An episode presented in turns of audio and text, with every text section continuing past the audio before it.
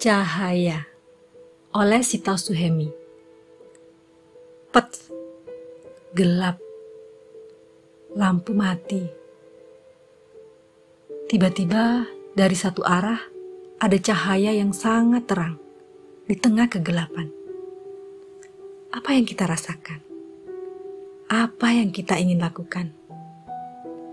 Allah menyebutkannya dalam surat Al-An'am ayat 1 Segala puji bagi Allah yang telah menciptakan langit dan bumi dan mengadapkan gelap dan terang. Namun orang-orang kafir mempersekutukan sesuatu dengan roh mereka. Ibnu Katsir menafsirkan ayat ini bahwa Allah menyebut gelap atau zulumat dalam bentuk jama, sementara cahaya atau anur dalam bentuk tunggal. Hal ini karena keadaan cahaya lebih mulia dari gelap. Sementara penjelasan yang lain karena jalan yang lurus itu hanya jalan Allah. Sedang yang lain adalah jalan-jalan yang mencerai beraikan.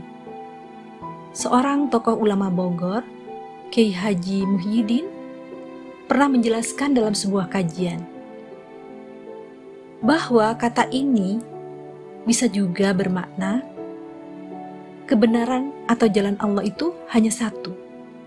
Sementara jalan selain jalan Allah itu banyak. Anur atau cahaya itu hanya ada satu, yakni Islam.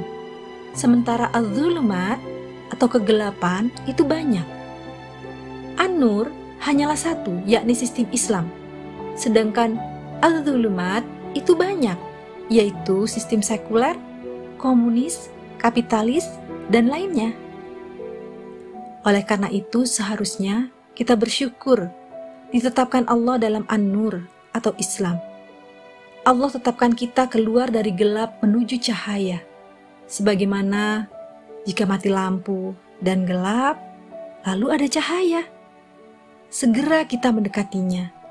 Sebab dengan begitu, kita akan mampu melihat kenyataan yang ada di dunia ini. Kita tidak akan tersesat ketika mencari jalan pulang.